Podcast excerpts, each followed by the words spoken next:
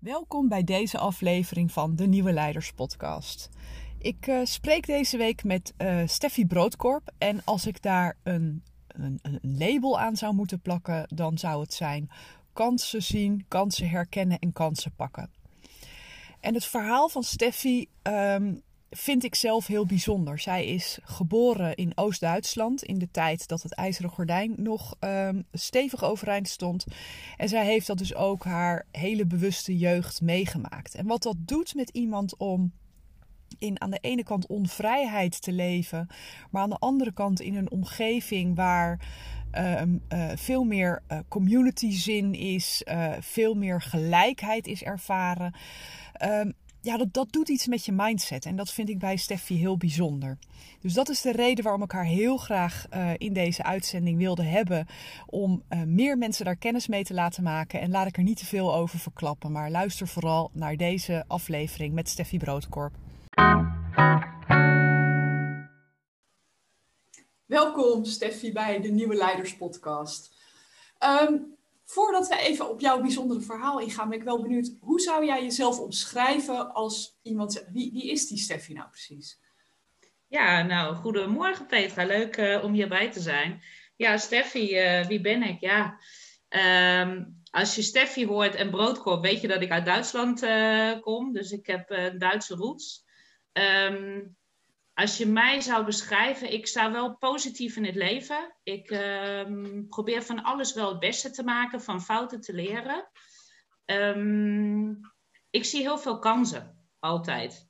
Ja. En uh, ja, dat is, uh, daar komen we denk ik later nog in het gesprek terug. Maar de kansen creëren en pakken, dat is, dat is wel iets wat mij uh, typeert. Mm -hmm. um, ik schijn ook een, een hele uh, bijzondere lach te hebben, heel luid en, en mensen die je daar mee, uh, mee kan trekken. Dus van natuur uit ben ik, ben ik een vrolijk type, help graag en ja. Ja. Dat is denk ik een beetje wie, wie Steffi is. Ja, nou ja, wij, wij kennen elkaar uh, via ons, uh, ons netwerk, hè, ons ondernemersnetwerk. Um, en we hebben al een paar keer met elkaar gewandeld, want wandelen is iets wat we allebei heel graag doen. in de natuur zijn, ons heen kijken. Klopt. En de reden dat ik je heel graag hier wilde spreken is omdat je elke keer zulke bijzondere verhalen hebt die voor mij gaan over mindset, over keuzes maken, over hoe je naar het leven kijkt. En dacht, dat is echt iets wat past in de context van, van deze podcast. Dus zou je ons eens mee willen nemen? Jij bent geboren achter het ijzeren gordijn, om er maar even een naam aan te geven. Hoe, hoe was jouw jeugd daar? Wat, wat merkte je daarvan, met, met hoe je daar nu op terugkijkt? Ja, klopt. Ja, ik ben geboren in uh, Oost-Duitsland. Toen uh, de muur viel was ik 14, dus ik heb 14 jaar heb ik dit uh, bewust meegemaakt. Um, voor, voor ons als ik nu terugkijk, wat, wat uh, bijzonder was, is dat al de, uh, van mijn oma en opa's kant, van, van mijn vader en moeder van beide kanten, de broers en zussen, die zijn ooit gesplitst. Dus de families zijn verdeeld over West- en Oost-Duitsland. Nou, mijn voorvaderen zijn dus in Oost-Duitsland beland, daarom zijn wij daar geboren. Uh, maar je zag al heel vroeg als kind al dat er heel veel verschillen waren tussen, tussen Oost en West. Zo konden wij dus niet reizen. Mm-hmm. Uh, alleen naar nou ja, Oostbloklanden. Um, Deden en, jullie dat? Wat zeg je? Deden jullie dat ook, reizen? Nou, Hongarije. Oh. Mijn ouders waren gek op Hongarije. Mm-hmm. Dus wij, ik kan me herinneren, we zijn daar, zover ik me kan herinneren, daar drie keer geweest. Nou ja, om één voorbeeld even Hongarije uh, te geven. Wij hebben in Hongarije afgesproken met familie uit West-Duitsland. Omdat wij niet naar West-Duitsland mochten reizen. Zij wel naar ons. Maar we mochten wel allebei naar Hongarije. Okay. En uh, op een gegeven moment hadden we, dacht, hadden we dat bedacht. En dachten, oh, daar kunnen we elkaar zien in Hongarije en een vakantie vieren. Wij hadden natuurlijk Oost-Duits geld. Onze familie West-Duitse marken. En daar is een moment geweest. Uh, ik was toen een jaar of negen. Um, dat wij langs een restaurantje liepen. En binnen in het restaurantje was iemand viool aan het spelen. En op het bord buiten stond verse goulasoep. En ik vond goulasoep altijd zo lekker. En ik dacht, oh, als we nou hier in het restaurantje kunnen eten waar iemand viool speelt, dat vond ik een hele ervaring. Dus ik vroeg aan mijn ouders, kunnen we hier naar binnen? En toen zegt mijn moeder, ja, dat gaat niet. En toen zeg ik, waarom gaat dat dan niet? En toen wees ze op een sticker op de, op de, op de ruit zeg maar, van het restaurant. En daar stond een, een checkboekje, Forum Sex heette dat, met een rood kruis daardoorheen. Wow. En ik snapte dat niet. En toen zegt ze, ja, mensen uit Oost-Duitsland, die kunnen hier niet met, geld, met dat Oost-Duitse geld betalen. Dus die mochten alleen met Forum Sex betalen. ja. Maar mensen uit Hongarije, die wilden natuurlijk liever West-Duits geld, wat veel meer waard is dan een Forum Sec. Ja. Dus daar hadden restaurants de keus gemaakt om Oost-Duitse mensen buiten te laten staan. En uh, nou ja, wij gingen gewoon verder lopen en we konden niet uh, de goulasoep met de vioolspeler eten. En um, achteraf gezien was dat echt wel een moment voor mij dat ik denk van ja, je had gewoon echt een tweede rang burgers die daar niet welkom waren. Uiteindelijk, toen, de, toen we de familie uit West-Duitsland ontmoetten, gingen we wel naar restaurants, want toen konden zij betalen. Ja. Maar uh, achteraf gezien is dat wel uh, dat ik denk, ja, dat is wel heftig uh, hoe dat gaat. Nog Was één ding over. de eerste keer dat je je dat realiseerde? Dat, dat kwam echt wel nu pas de laatste jaren. En dat komt ook wel een beetje door de tijd van corona, moet ik zeggen omdat nu juist de discussie ontstaat, kunnen mensen die gevaccineerd zijn wel dingen doen en mensen die niet gevaccineerd zijn niet. En het eerste wat ik dan weer denk, is die sticker die ik in Hongarije op het raam zag. Wat, doet denk, dat, ja, wat doet dat met je? Wat, wat, wat voor, wat voor ja, gevoel brengt dat bij jou naar boven? Ja, ik, ik, ben er, ik ben er persoonlijk zwaar op tegen, omdat ik gewoon weet hoe het is om, om anders te zijn dan anderen. En ik denk, laten we even in de huidige samenleving iets met elkaar bedenken. Weet je, waar we allemaal ehm, eh, gelijk zijn. Want altijd een verschil maken is gewoon, vind ik, het ergste wat je kan doen. Ja. En uh, dan denk ik, ja, weet je, we zitten nu in 2021 en dan komen weer zulke discussies die we eigenlijk, ik al heel lang achter me heb gelaten. En um, ja, ik, ik, ik vind het bijzonder. Ik vind het niet kunnen. Ik hoop ook dat hier een andere oplossing voor komt. Ja. En um, nou ja, mijn typerende verhaal voor uh, als, als ik mensen vertel hoe het in Oost-Duitsland was, waar, waar, wat heel, een, een, een heel klein voorbeeld is, waar, waar, maar waar mensen denken van, oh, was het zo? Ja, je kon niet reizen, je had geen, de grenzen waren dicht, uh, je, je moest uh, dingen kopen wat van de staat geleverd was. En als kind, ja, ik vond bananen vond ik altijd heel erg lekker. En dat kwam omdat we maar twee keer per jaar één banaan per persoon krijgen. Wauw. Dus, ja, weet je, dat kan je in de huidige tijd helemaal niet meer voorstellen. Maar ik weet nog, de, de plaatselijke groenteboer gaf dan mijn opa een tip van volgende week donderdag, s ochtends om vijf uur, kom dan vast even in de rij staan, want dan gaat iets gebeuren. Ja, ja, ja. Nou, daar wisten we of er kwamen uh, bananen of één keer per jaar een watermeloen. Ja.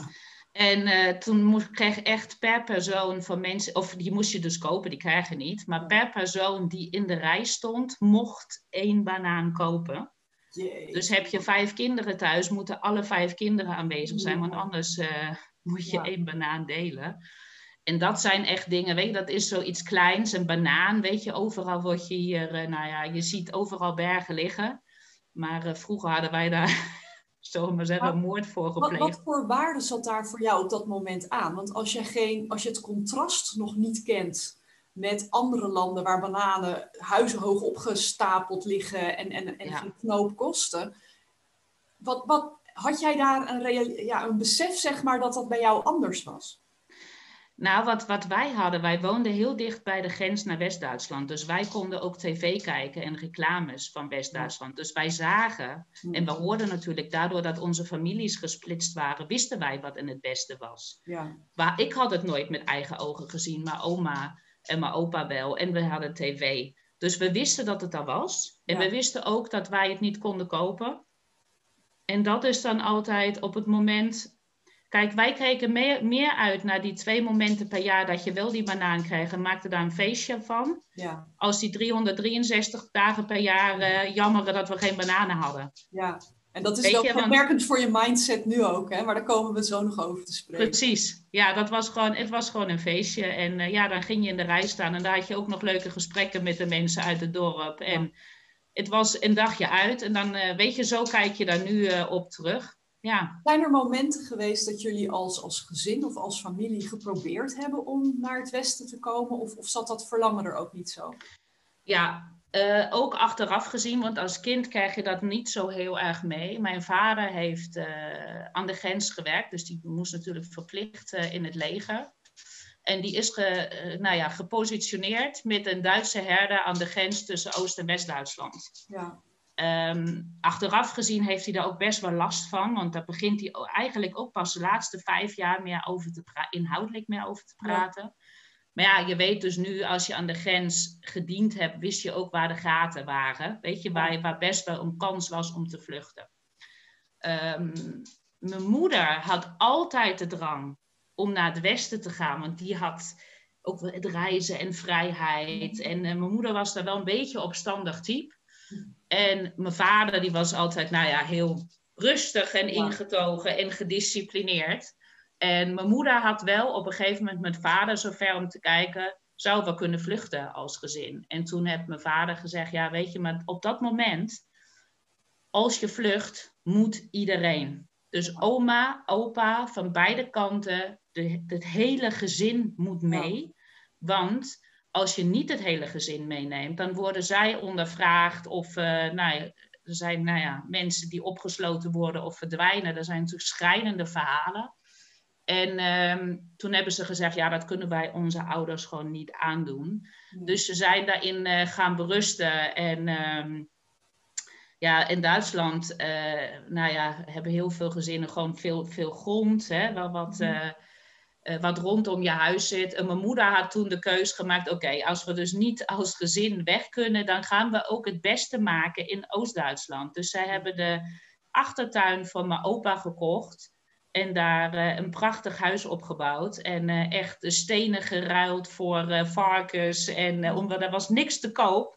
Moet je ook voorstellen. Weet je, hier, hier bestel je en dan komen vrachtwagens, cement en, en zand en wow. stenen. Maar daar ging echt alles moest geruild worden. Dus daar was je netwerk heel belangrijk. Wie ken je en wie kan iets voor je regelen? Dus daar is echt steen voor steen en tegeltje voor tegeltje geruild. En uh, ja, mijn vader... Hoe lang is dat proces geweest dan? Dat moet dat toch enorm lang duren voordat zo... Zeven jaar. Ja. Zeven jaar, ja. ja. En het halve dorp heeft meegeholpen dat huis te bouwen. Want de een die, die was elektricien en de ander die was weer eh, cv-installateur. En die kon goed metselen. Dus dat is echt iets wat, uh, wat, uh, nou ja, wat je als gemeenschap uh, doet. En dan ja. eet je met elkaar en drink je met elkaar en heb je een groot feest op het moment dat het dak erop gaat. Ja. En um, eigenlijk is dat nu nog steeds zo.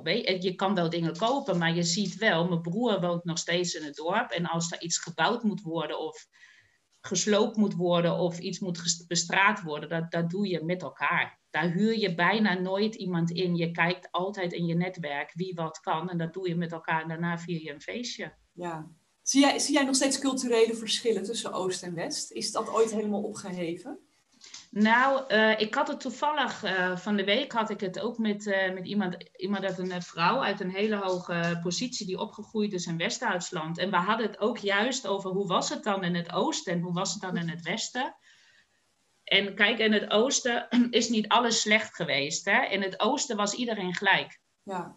Mannen, vrouwen, iedereen was gelijk. Iedereen werkte. Iedereen werkte fulltime. Mm-hmm. Voor kinderen was alles geregeld. Hè? De opvang was geregeld. En uh, het, het, warm eten op de fabrieken was geregeld. Um, en je had veel meer het, het, het gevoel van gelijk zijn. Hè? Angela Merkel is ook in Oost-Duitsland ja. opgegroeid. En dan denk je, ja, het is wel hè, een, een, een wereldleider en die komt uit Oost-Duitsland. En um, wij, voor ons was dat altijd heel normaal. Hè, om, om fulltime mee te werken en gelijkwaardig te zijn. En zij vertelde dat het in West-Duitsland helemaal niet was. Nee. Als je daar in een C-level functie komt, nu nog als vrouw, zeggen ze: Oh, nou, pittige functie hè, als vrouw en heb je ja. geen kinderen? En dan komen zulke vragen en dan denk je: Ja, waarom? Ja. En, en, en dat, dat zie je nog steeds. En dat, dat, dat is denk ik echt wat, wat diep geworteld in je zit. De cultuur, hoe je bent opgegroeid. Dus wat wij ook op school hebben geleerd. Hè? Echt discipline en het doorzetten. En ja, heel veel dingen moesten daar. Hè? Dus het dat, dat, dat, dat echt ook in regels beschreven was. Ja. Ehm, maar ehm, ik denk dat het wel een hele goede basis geweest is van hoe je uiteindelijk in het leven staat. Want hè, wat, we, wat we aan het begin hadden over de verschillen, hè, met dat forum checkboekje, mag je wel of niet in dat restaurant eten? Of als je uh, de vaccinatie hebt gehad, mag je dan wel of niet uh, winkelen?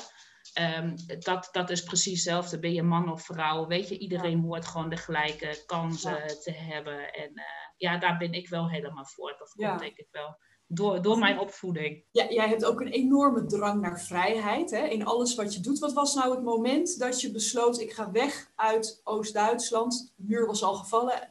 Wat gebeurde er in jouw hoofd? Hoe was ja. dat proces? Nou, het, het vrijheid is, uh, klopt, dat is in alles eigenlijk wat in mij terugkomt. Dat is ook echt mijn drijfveer. En dat wist ik echt niet heel snel hoor. Ik moest er echt wel naar zoeken van wat is het dan? Hè? Want het is niet tastbaar. Um, ik weet, um, als ik terugkijk, even nog toen de muur stond. We hadden natuurlijk veel familie in West-Duitsland. En een van, de, van mijn tantes, die woonde in Beieren, in de bergen. Ja. En die stuurde altijd mooie postkaarten van de bergen en de, en, en de koeien. Van kolletjes met, met rode geraniums en zo, ja. ja, precies, precies.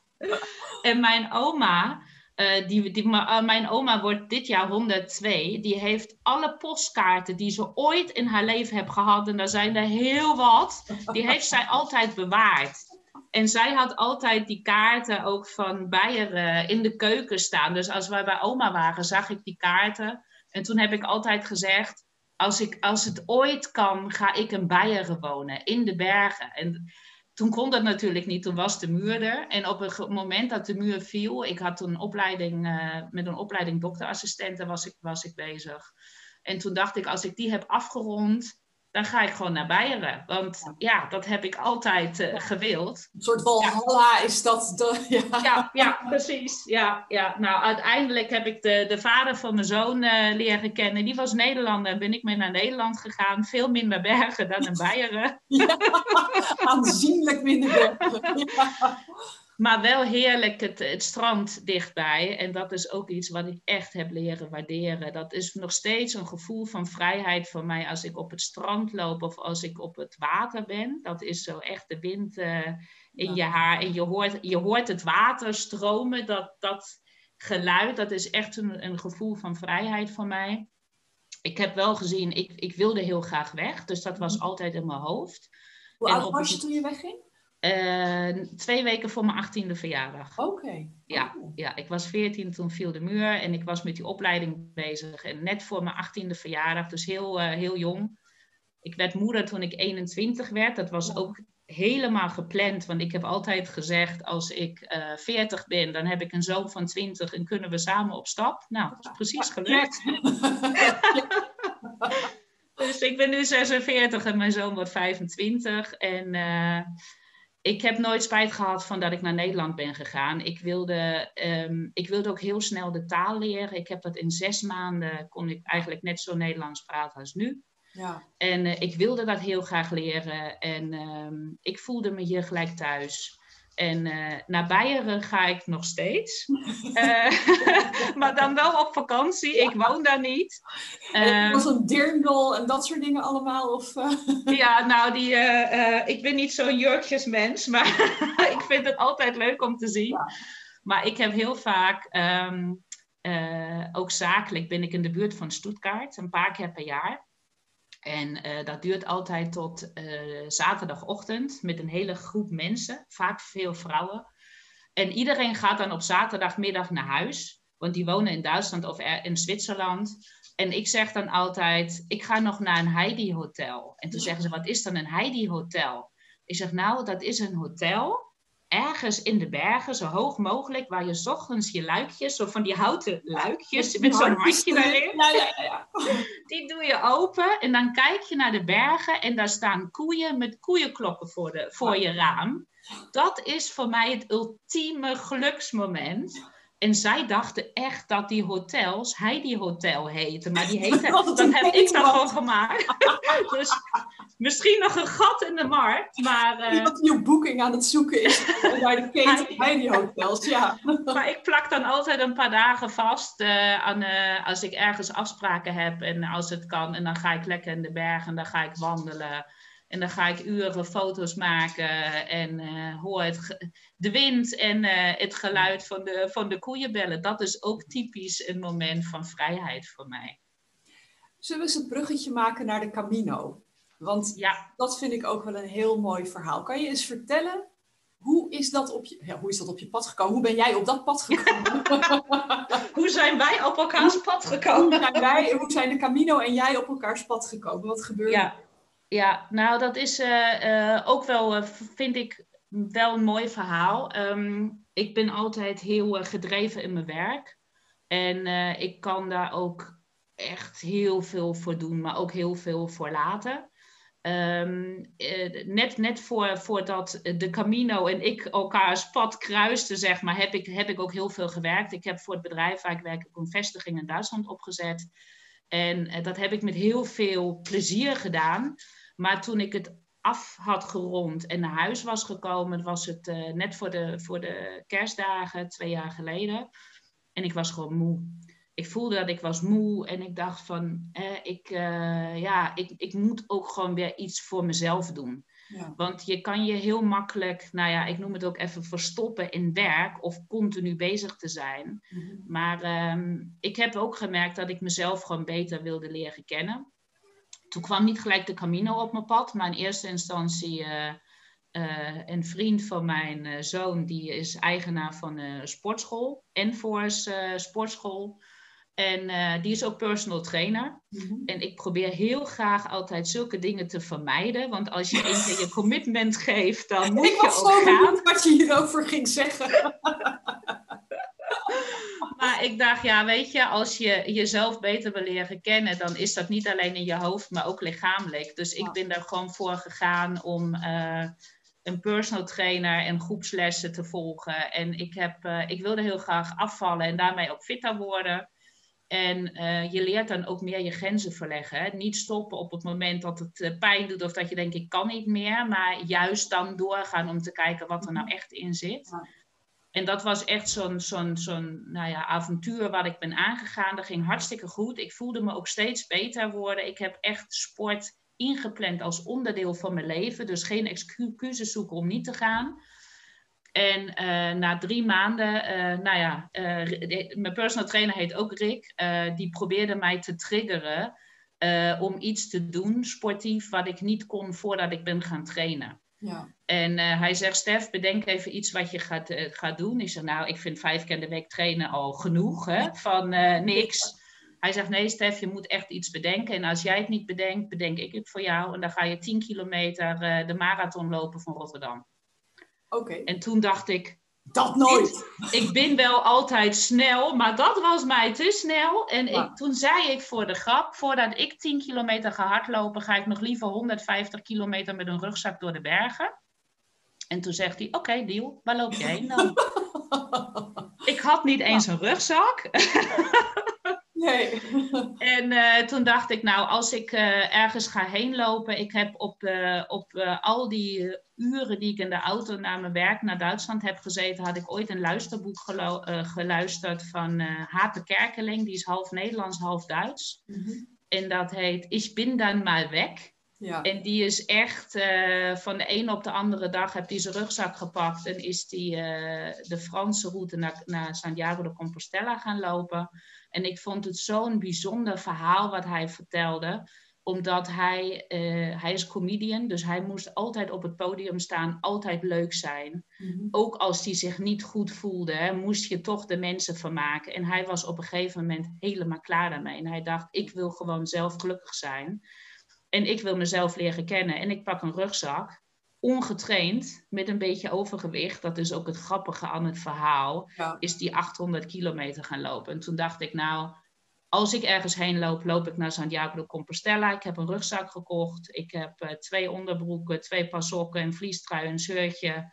En uh, nog allemaal dingen die ik uiteindelijk niet nodig had. En op dag vijf uh, ergens in een hostel heb achtergelaten. Ik heb een ticket geboekt naar Porto. Mhm. En uh, ik dacht, nou ja, 800 kilometer is een beetje te veel. Maar als ik, ik had gezegd, ik loop 150 kilometer, maak ik er 250 van. Ik ben naar Porto gevlogen en ben van Porto naar Santiago de Compostela gelopen. Uiteindelijk 280 kilometer um, in 10 dagen. Wow. En het was voor mij de beste reis ooit omdat je ook daar leert, en dat is misschien ook weer een link naar Oost-Duitsland, hoeveel je kan doen en hoe gelukkig je kan zijn met weinig. Want eigenlijk hoef je niet veel in het leven. Want ik had echt letterlijk twee onderbroeken, twee paar sokken, een vliestrui en een t-shirt bij me. En je kan intens blij worden als je ineens denkt: Oh ja, ik had nog een, uh, zo'n eiwitreep ergens in mijn rugzak. Als je uren aan het lopen bent en je hebt, bent nog niks tegengekomen waar je kan eten. En dat je dan een halve eiwitreep eet. Weet je waar je dan intens. Bijna als die ene banaan per jaar. Ja, ja precies. Ja, precies dat. Precies, dat is echt zo'n geluksmomentje. En. Uh, ja, ik heb mensen uit de hele wereld leren kennen. En dat zijn nog steeds heel veel mensen, ik noem het even de sleutelfiguren die je tegenkomt op je weg. Want je komt heel veel mensen tegen, maar sommige, dat zijn, anderen noemen het ook de gidsen onderweg. Van wat kan je van elkaar leren? Van Nieuw-Zeeland tot uh, Amerika, uh, nou, tot Korea. Echt mensen waar ik nog heel veel contact mee heb. En me ook echt open heb gesteld. Wat kan je nou van elkaar leren? Dat heeft het gewoon een hele bijzondere reis gemaakt. En ik heb daar ook geleerd, één, hè, je hebt eigenlijk maar heel weinig nodig hè, om, om, om een mooie reis te hebben. Je draagt je eigen bagage. Ja. Dat is ook heel wat anders dan een, uh, dan een, een georganiseerde reis waar je 23 kilo koffer van uh, hotel naar hotel wordt gereden. Maar je draagt je eigen bagage. Daar heb ik ook geleerd dat je uh, je nooit kan voorbereiden op alles wat je tegenkomt. Dus ik heb ook op dag vijf, uh, vijf kilo uit mijn rugzak gegooid. Dat ik dacht, ja, wat ik de eerste vijf dagen niet nodig had, heb ik de rest ook niet nodig. Mhm. Daarmee had ik in mijn hoofd meer ruimte, omdat mijn rugzak gewoon, gewoon plek had. En ook plek had voor nieuwe dingen. Ja. Dus uh, ik ben vlak voordat ik in Santiago ben aangekomen. En we hadden het net over een dundel. En ik ben echt geen uh, jurkjesmens. Maar ik heb een mooie Spaanse jurk. Die heel licht was wel. Die heb ik gekocht in een dorpje vlak voor Santiago. En toen dacht ik, als ik dan aankom in Santiago, ga ik die jurk aantrekken. En dan ga ik met mijn Jezus-sandalen, met mijn twaalf bladen die ik heb opgelopen en een wijntje, ga ik op het terras zitten. Met al die mensen van Nieuw-Zeeland tot Australië die ik onderweg heb ontmoet. En dan gaan we vieren dat we zijn aangekomen. En dat hebben we precies zo gedaan. En dat is, vind ik, de essentie van het leven.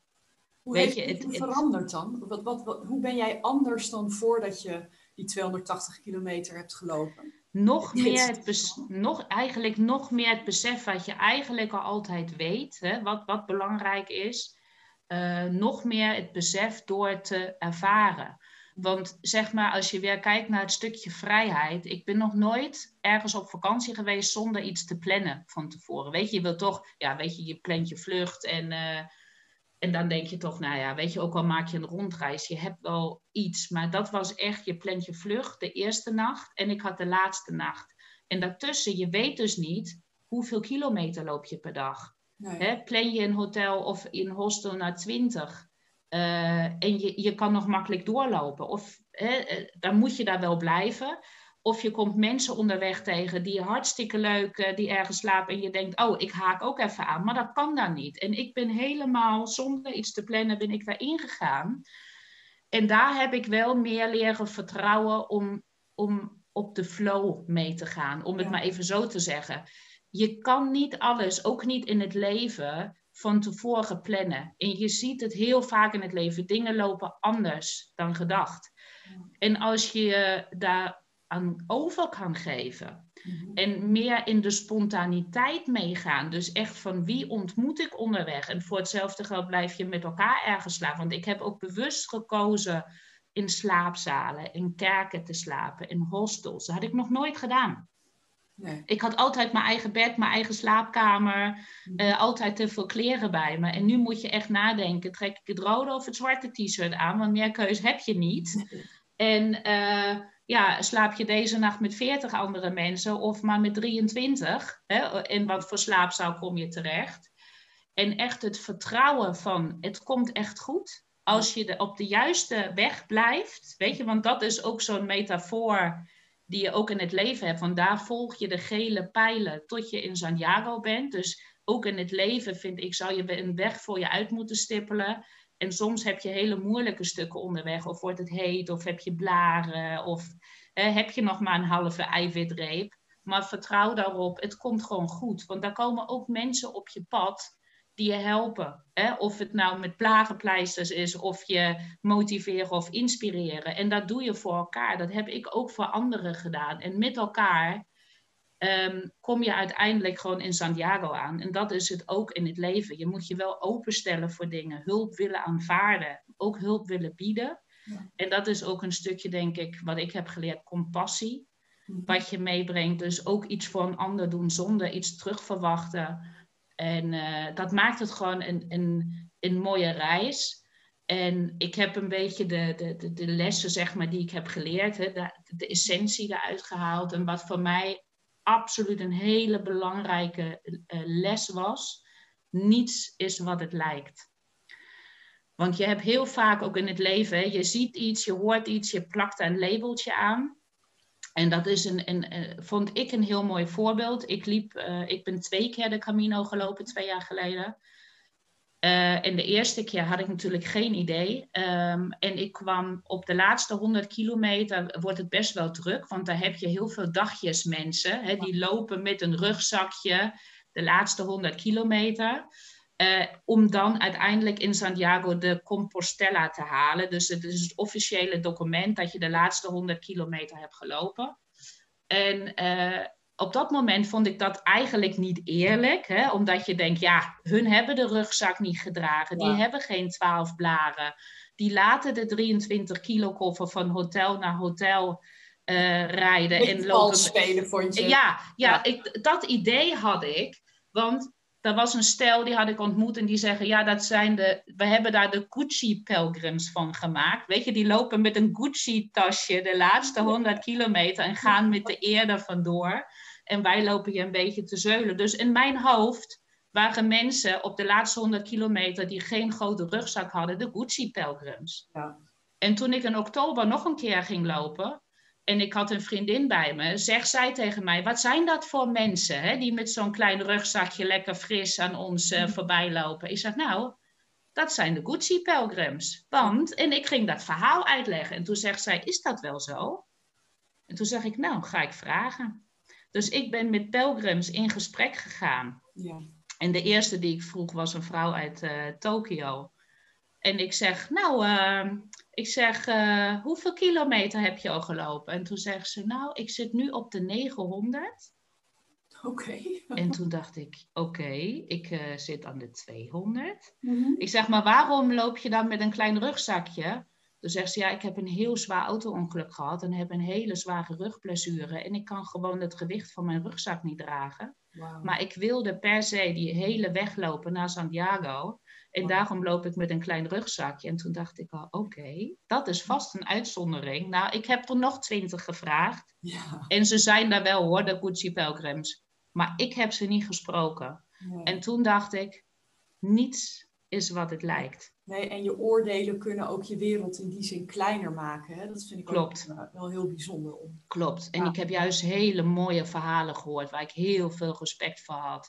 En dat ik denk, oh, weet je, dan loop ik daar een beetje stoer te doen en heb ik maar 250 kilometer gelopen. En mensen die lopen 900 en die hebben hele, nou, hele verhalen van wat ze hebben meegemaakt en ziektes en mensen verloren. Weet je? En dat is gewoon het mooie als je, als je dat ook echt met de mensen in gesprek durft te gaan en naar die verhalen te horen. Nou, dat ik ook gezegd heb, joh, ik, ik had gedacht, je bent een Gucci-pelgrim. Dus ik ging dat ook vertellen eerlijk. En daar komen zulke mooie gesprekken op gang. En dat, dat was voor mij echt een hele belangrijke les, die ik ook gewoon nu in mijn dagelijkse leven meeneem. Van niets is wat het lijkt. Het heeft ook te maken met je willen laten raken door het verhaal van een ander, hè, op een of andere manier. Als Klopt. je inderdaad aangeeft van dit, dit is het oordeel wat ik daarop had en vertel eens. Ja. uh, dan komt er iets boven waardoor je ook moet willen laten raken. Omdat je anders Klopt. niet die diepgang hebt die jij nu zegt. Ja, je moet je, moet je kwetsbaar opstellen. Ja. Ja, heeft dit ertoe geleid dat je eh, ook een bedrijf bent begonnen, hè? Ja, Kan je ja daar klopt. over vertellen? Ja, klopt. Ik kwam na mijn eerste pelgrimstocht thuis vol uh, nou ja, ideeën. Ik ben in mijn hoofd sowieso altijd, nou ja, omdat ik heel vaak kansen zie Mhm. en, uh, en, en mensen ook graag wil helpen. Ik ben vroeger ook eigen ondernemer geweest. Dus het ondernemerschap, uh, dat zit wel, dat zit in ons hele familie. Ja. En dat zit gewoon in je DNA. En in loondienst werken is natuurlijk ook een soort veiligheid die je hebt. Maar ik, ik voelde wel altijd kriebelen van ik wil nog eens een keer iets voor mezelf ook Ja. beginnen. En uh, nou, het was een soort puzzelstukjes die ik had en ik wist niet uh, hoe die in elkaar pasten. En toen ik de eerste keer uh, die Camino had gelopen, heb ik een soort dagboek eh, bijgehouden op social media. Um, ook alles wat fout ging, alles wat goed ging. Dus ook kwetsbaar opgesteld en echt alles verteld hoe het, hoe het was. En dat heeft dus ook heel veel mensen geraakt die dat gelezen hebben. Daar heb ik heel veel reacties op gehad. En dat was eigenlijk de, de, de, de trigger voor mij, dat mensen schreven, oh Stef, weet je, jij, jij pakt gewoon je schoenen en je rugzak en jij gaat.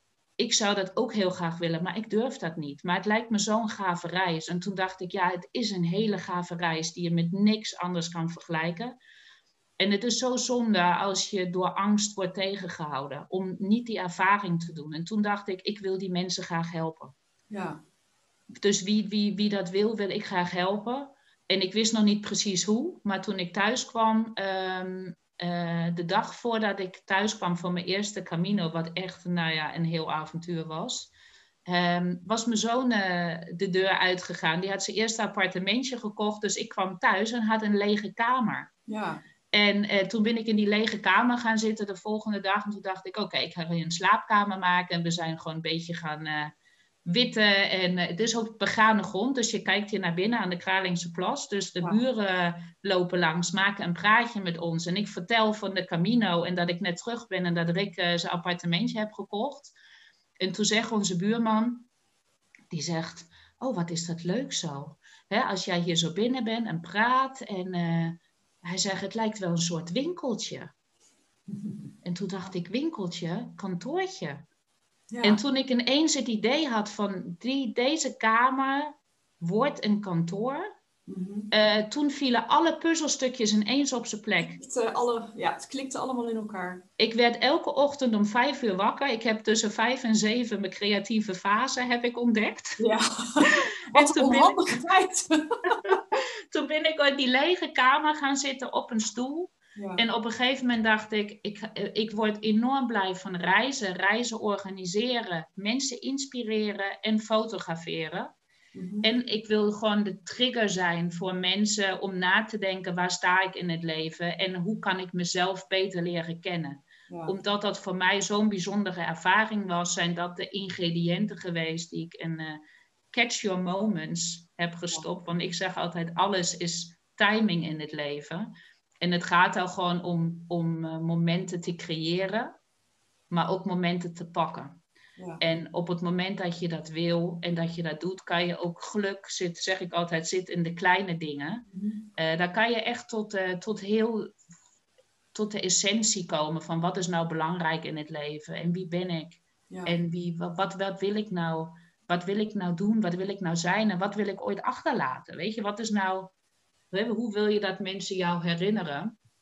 Nou ja, en dat heb ik allemaal in het uh, concept van Catch Your Moments uh, uh, gezet. Ik heb in, die, in deze kamer waar ik nu dus ook zit, um, gratis inspiratiesessies georganiseerd.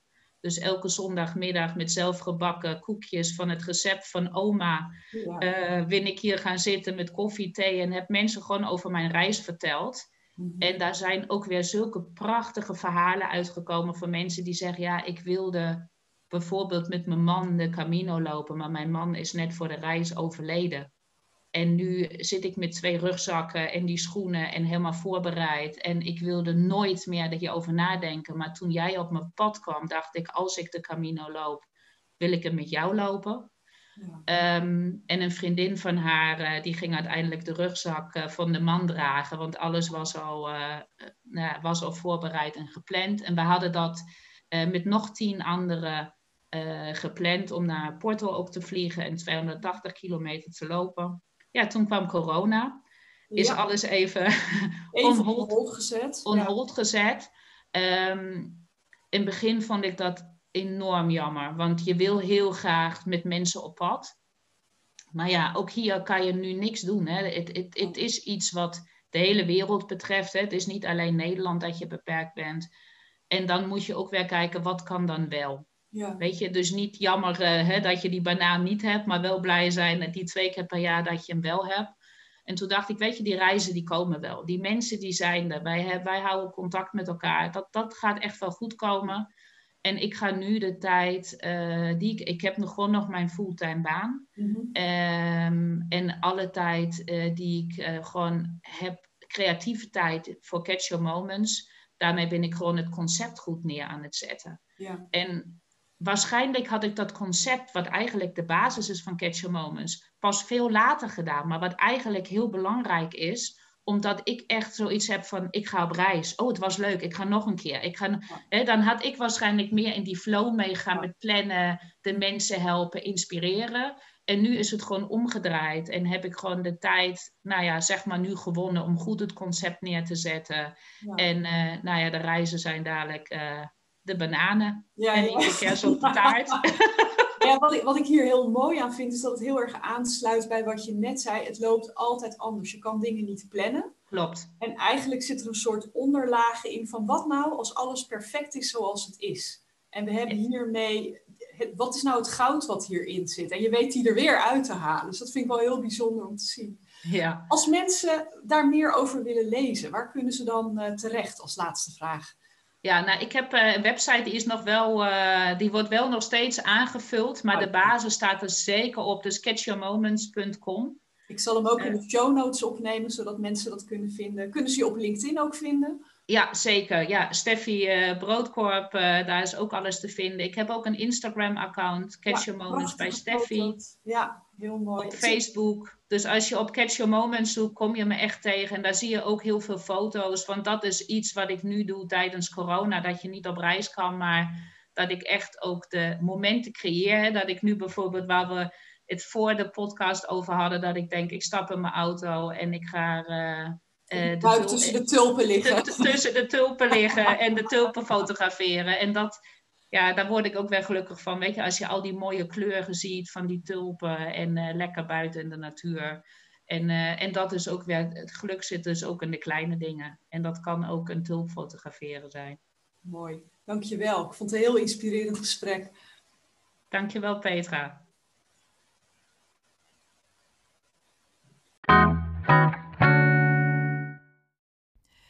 Dit was hem weer voor deze week. En natuurlijk hoop ik dat je er weer heel veel inspiratie en nieuwe inzichten uit op hebt gedaan. Kijk ik even naar mezelf. Het belangrijkste wat ik oppik uit het gesprek met Steffi is um, het. Uh, nou ja, het ontwikkelen van het bewustzijn dat je in elke situatie dat je daar het goud in kan gaan herkennen. Hè? Een soort onwrikbaar vertrouwen dat waar je nu staat, dat dat goed is en dat, je, dat dat precies is waar je moet zijn. En dat je altijd de goede inzichten, de goede contacten, et cetera, weet te vinden waarmee je uh, weer verder kan komen.